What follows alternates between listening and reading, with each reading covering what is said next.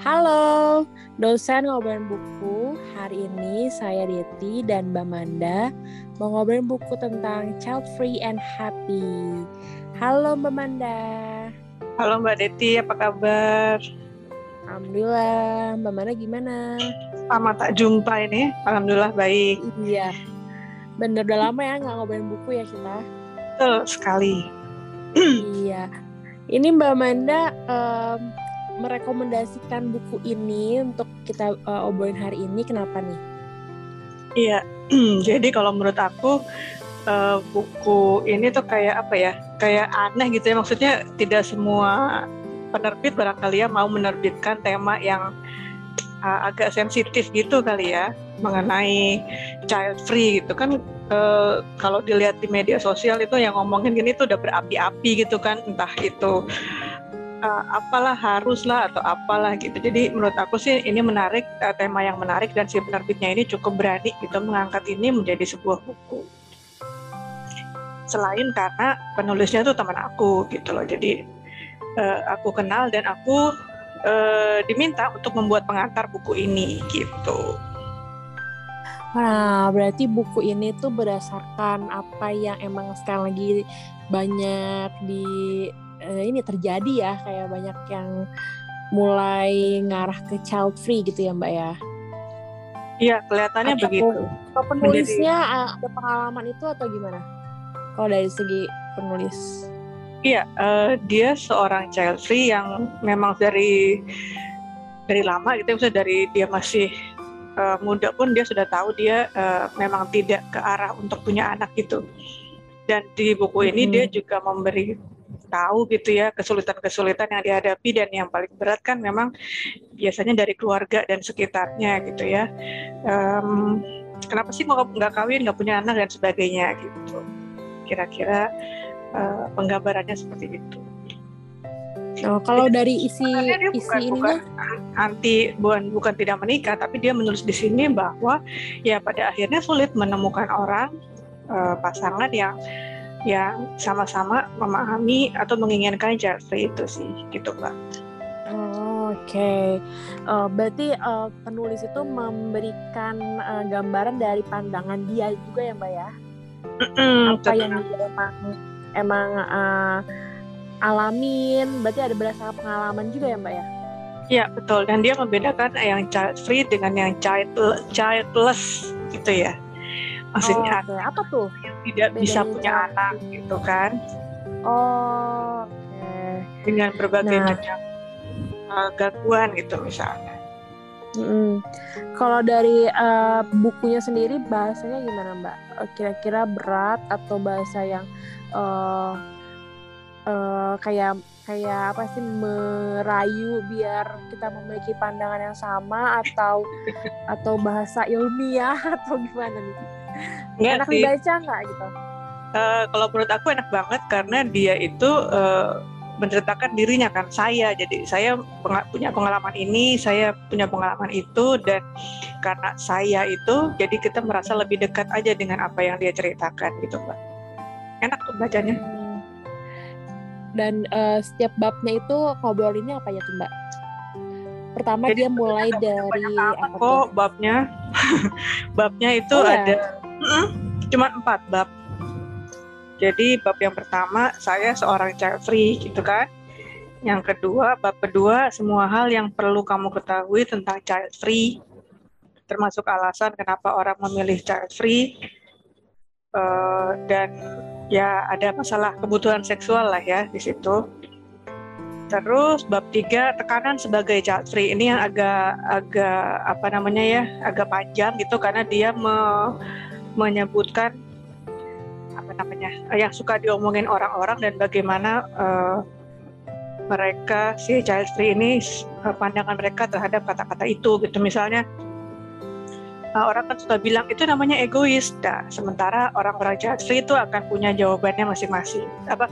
Akan mempunyai jawaban untuk uh, menjelaskan kata-kata itu. Itu agak panjang di bab ketiga. Kalau bab empatnya mantap hidup child free. Nah cuma empat itu berarti halamannya pendek ya mbak ya Totalnya ini, ini ada orang baca satu, bukunya di halaman pendek. 150 halaman kok. Oh, 150 halaman, oh, oke okay lah, nggak terlalu panjang ya. Iya, gitu. Ukuran bukunya juga sangat handy ya, 13 kali 19 cm.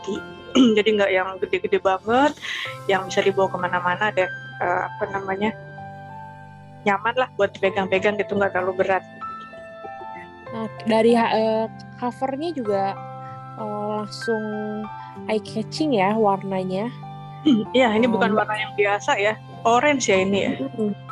Orange tapi bukan orange yang kayak Betul. biasa ketemuin gitu ya. Dia orange-nya hmm. agak-agak ke apa tuh? Agak doff ya. Iya. Dan dari gambarnya tuh menurut Mbak Manda gimana tuh? Dia memilih cover dengan gambar itu. Ya, uh, sebenarnya aku pikir ini covernya adalah mencerminkan dirinya sih, karena uh, penulisnya ini Victoria Tunggono itu emang suka uh, suka dansa gitu ya, suka uh, ini jadi covernya itu ada orang berdansa. Gitu. Jadi uh, oh, yeah. kayaknya sih uh, entah penerbitnya atau ilustrator ini uh, sempat mencari apa ya, sempat uh, mencari informasi yang cukup dalam tentang penulisnya, sehingga uh, gambarnya itu sesuai dengan si penulisnya itu menggambarkan karakteristik kesukaan. Iya. Mbak dan dan juga uh, kayaknya harganya masih affordable ya mbak ya? Harganya masih 68 ribu. Jadi bisa dibaca sama semua galak uh, kalangan gitu karena harganya juga nggak terlalu mahal ya. Cuma memang ada tulisan di belakangnya sih 17 plus. Jadi ada informasi hmm. bahwa ini untuk oh, bagus juga ya. Uh, jadi tidak tidak tidak bisa dinikmati semua orang. Eh tidak bisa dibaca semua orang. Iya. Oh bagus juga ya bukunya ada ada disclaimer kayak gitu ya. Jadi um, kita sebagai orang tua misalnya kalau mau beliin buku buat anak tuh benar-benar harus merhatiin banget ya anak ini buku untuk umur berapa. Uh, ini bisa dibaca nggak sama anak uh, anak umur segini dan lain-lain. Nah, karena emang uh, isu soal child free ini kan agak sensitif sih. Aku juga sering banget ngeliat di sosial media dan emang ada temen juga yang yang emang punya pandangan gitu meskipun udah nikah gitu. Yeah. Dia uh, temenku udah nikah tapi emang nggak mau nggak mau punya anak child free. Nah, tapi beruntung ya uh, pasangannya menerima kondisi itu ya. Bener itu mungkin karena keduanya punya pandangannya sama kali ya. Mungkin sebelum nikah emang udah udah udah nyocokin pandangan kalau emang ke depannya mereka maunya hidup berdua tanpa anak. Dan aku uh, aku pikir aku setuju sama mbak Mana tadi.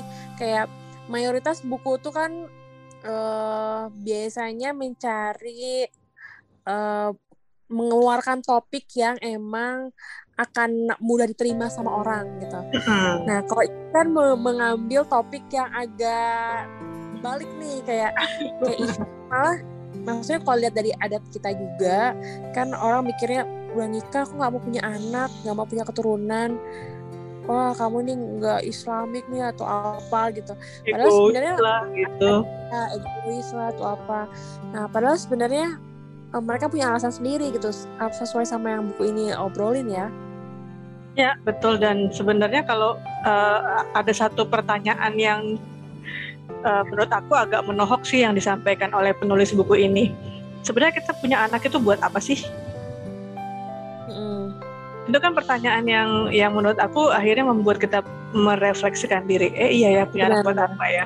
Kalau kita kan suka bertanya, uh, mungkin ya mungkin bercanda sih ya tapi kan kita sering menjawabnya gini kan punya anak biar kalau tua nanti ada yang nemenin atau ada yang ngurusin kan gitu kan mm-hmm. atau misalnya apa gitu uh, dan akhirnya si penulis ini mengatakan berarti itu bukan itu ha, apa ya aku menyimpulkannya gini berarti itu kan hanya untuk egoisme kita aja gitu kan mm-hmm.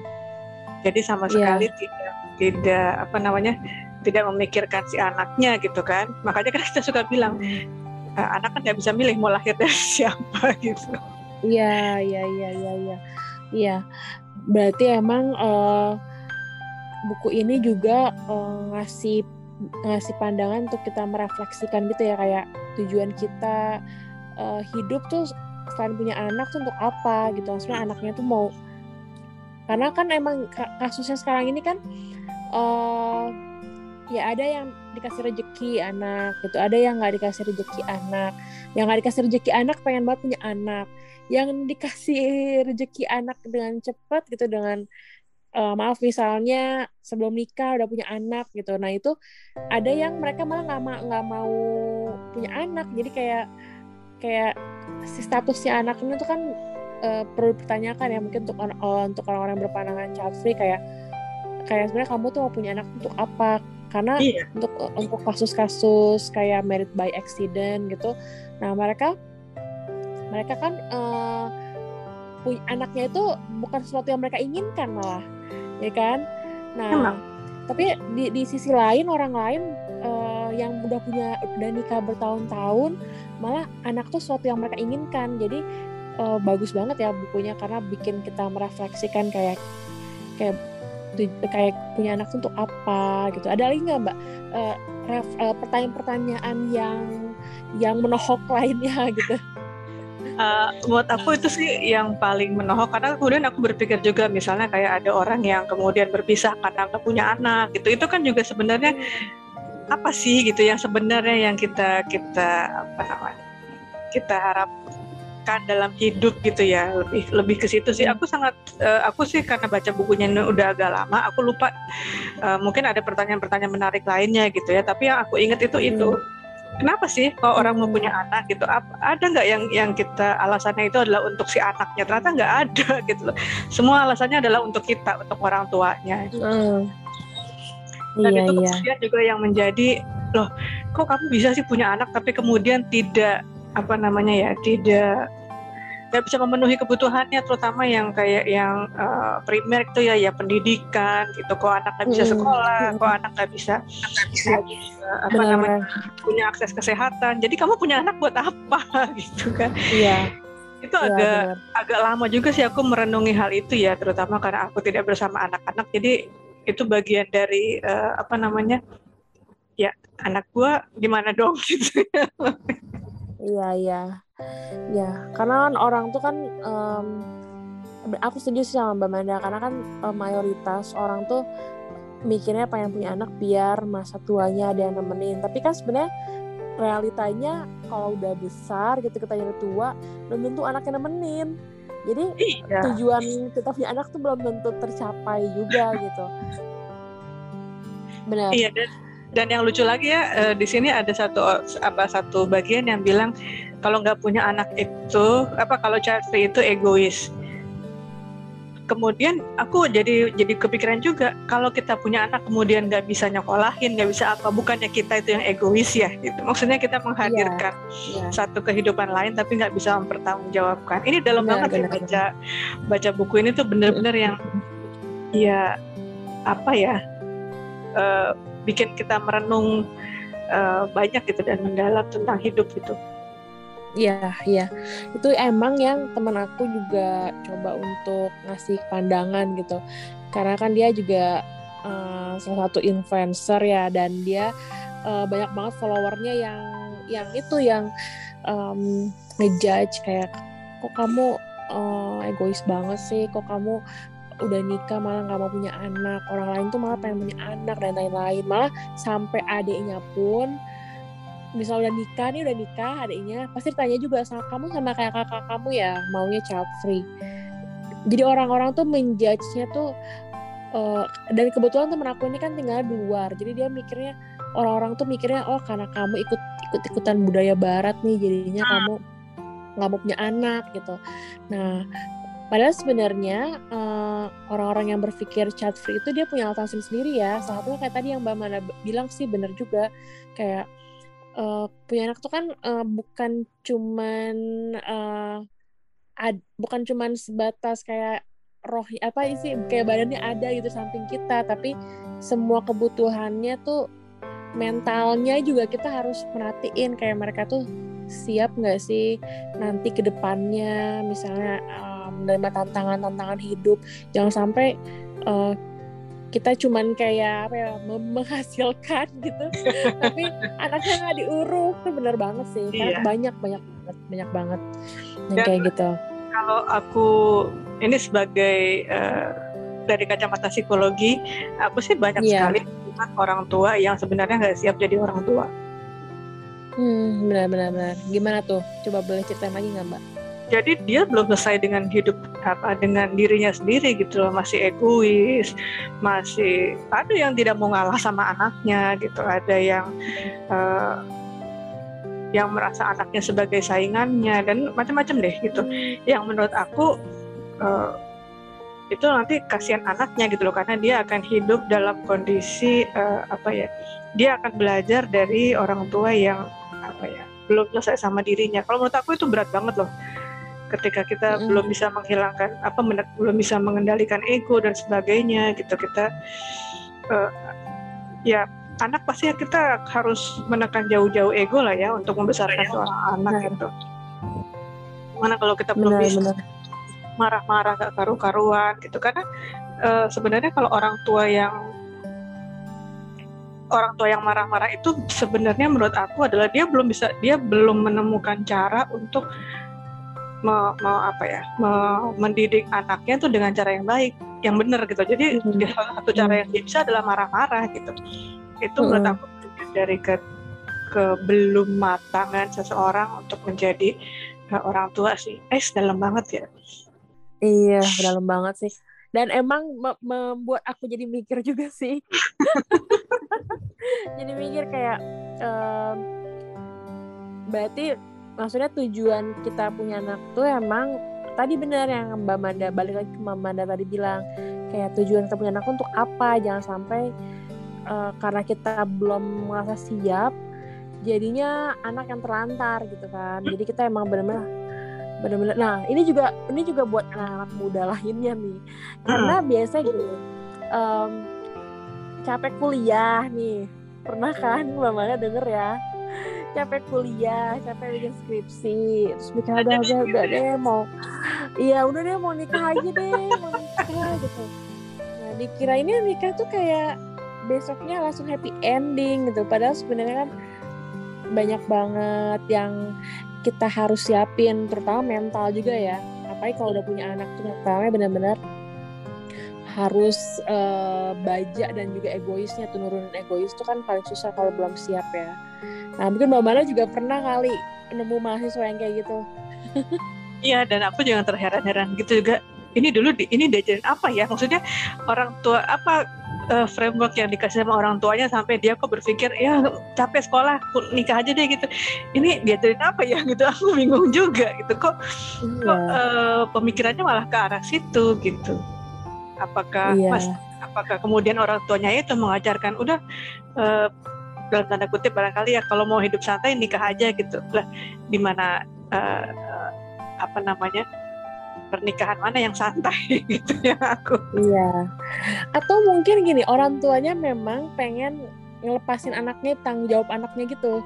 Itu dia kan baik lagi kan. Jadi, jadi untuk apa kita udah deh akan dilepas. Udah deh. tanggung jawab pindah ke suaminya gitu ya ya terus buat apa juga iya. punya anak gitu kan iya Iya iya benar-benar.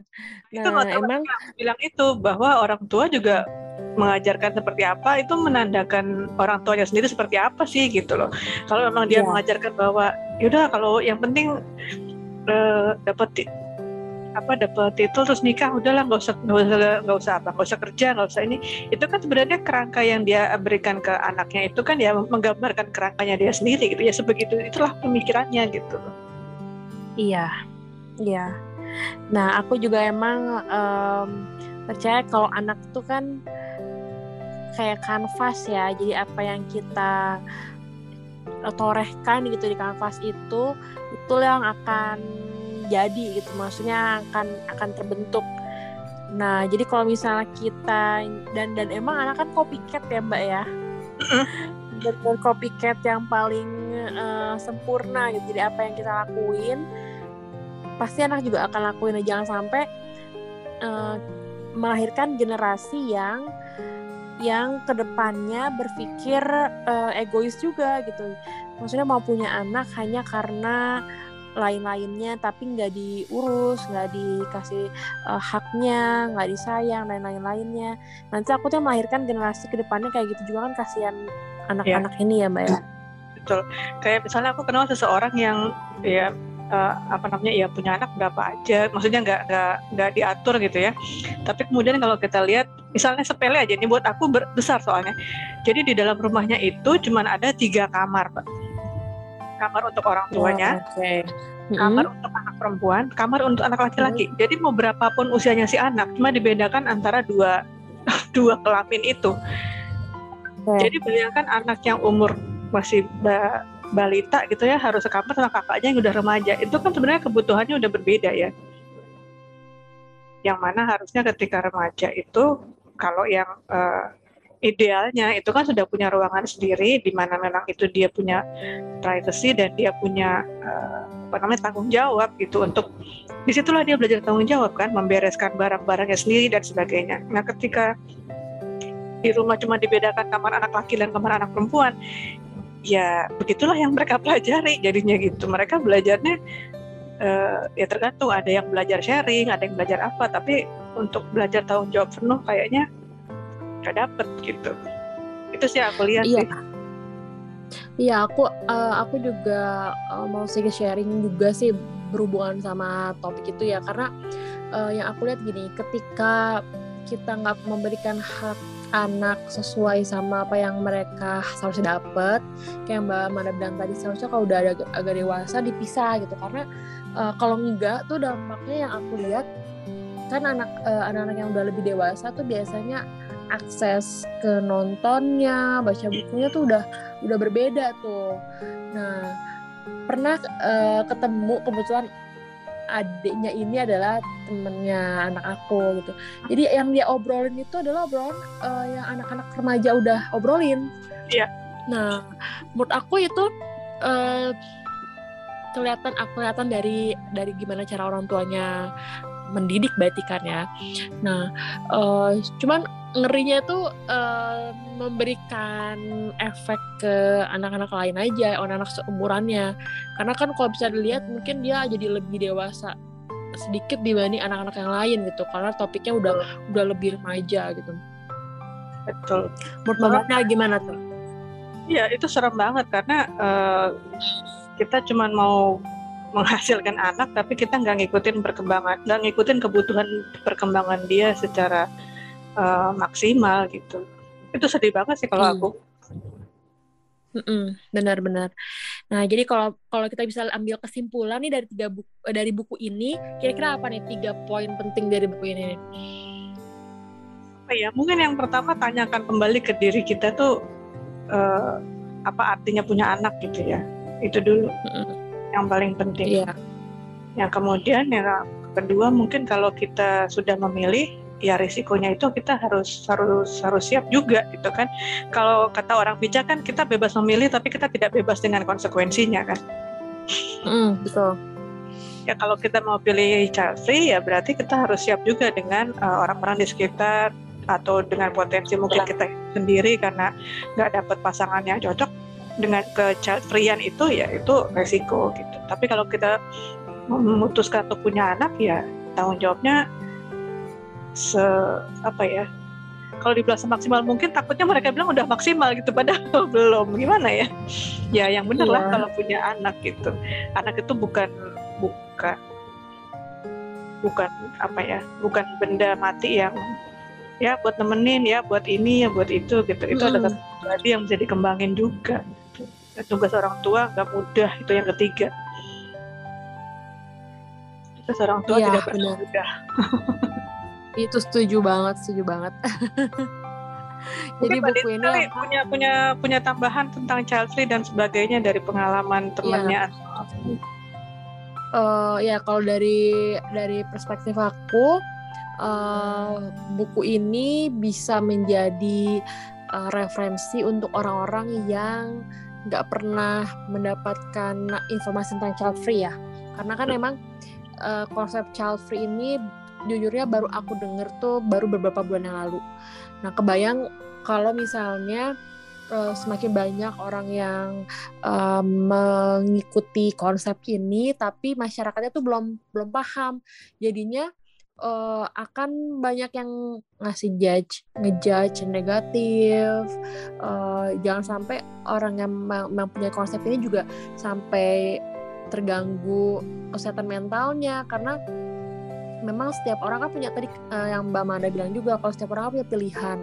Nah, emang harus ada setiap pilihan punya konsekuensi. Nah, tapi yang paling berat itu sebenarnya kalau menurut aku uh, dari masyarakat ini sih. Iya. Tapi uh, tapi tergantung juga sekuat apa uh, kita menganut konsep ini, konsep ini gitu. Tapi sebenarnya paling susah itu menurut aku dari masyarakat, dari sekitar ya.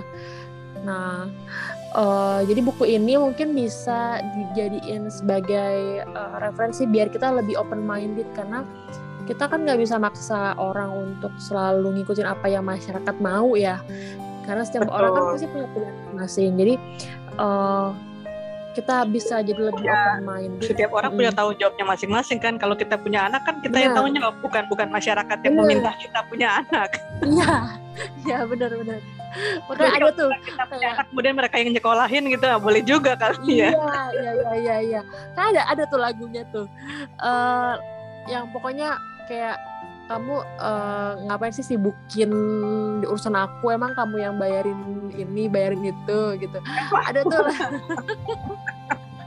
Nah itu tuh benar-benar um, topik karena karena topik ini kan benar-benar sensitif ya. Jadi uh, buat uh, kita sebagai masyarakat uh, jangan sampai jadi masyarakat yang judgmental tapi masyarakat yang emang uh, mencoba menghargai setiap pandangan orang. Asal asal uh, uh, keputusan orang tuh nggak nggak merugikan kita juga menurut aku nggak masalah sih buku ini bagus kok buat membuka wawasan iya. ya jadi supaya kita nggak mm, cuma melihat dari satu sisi aja gitu. Ada banyak ada banyak sisi ada banyak kacamata yang bisa kita gunakan untuk melihat apa ya hidup dan dunia asik.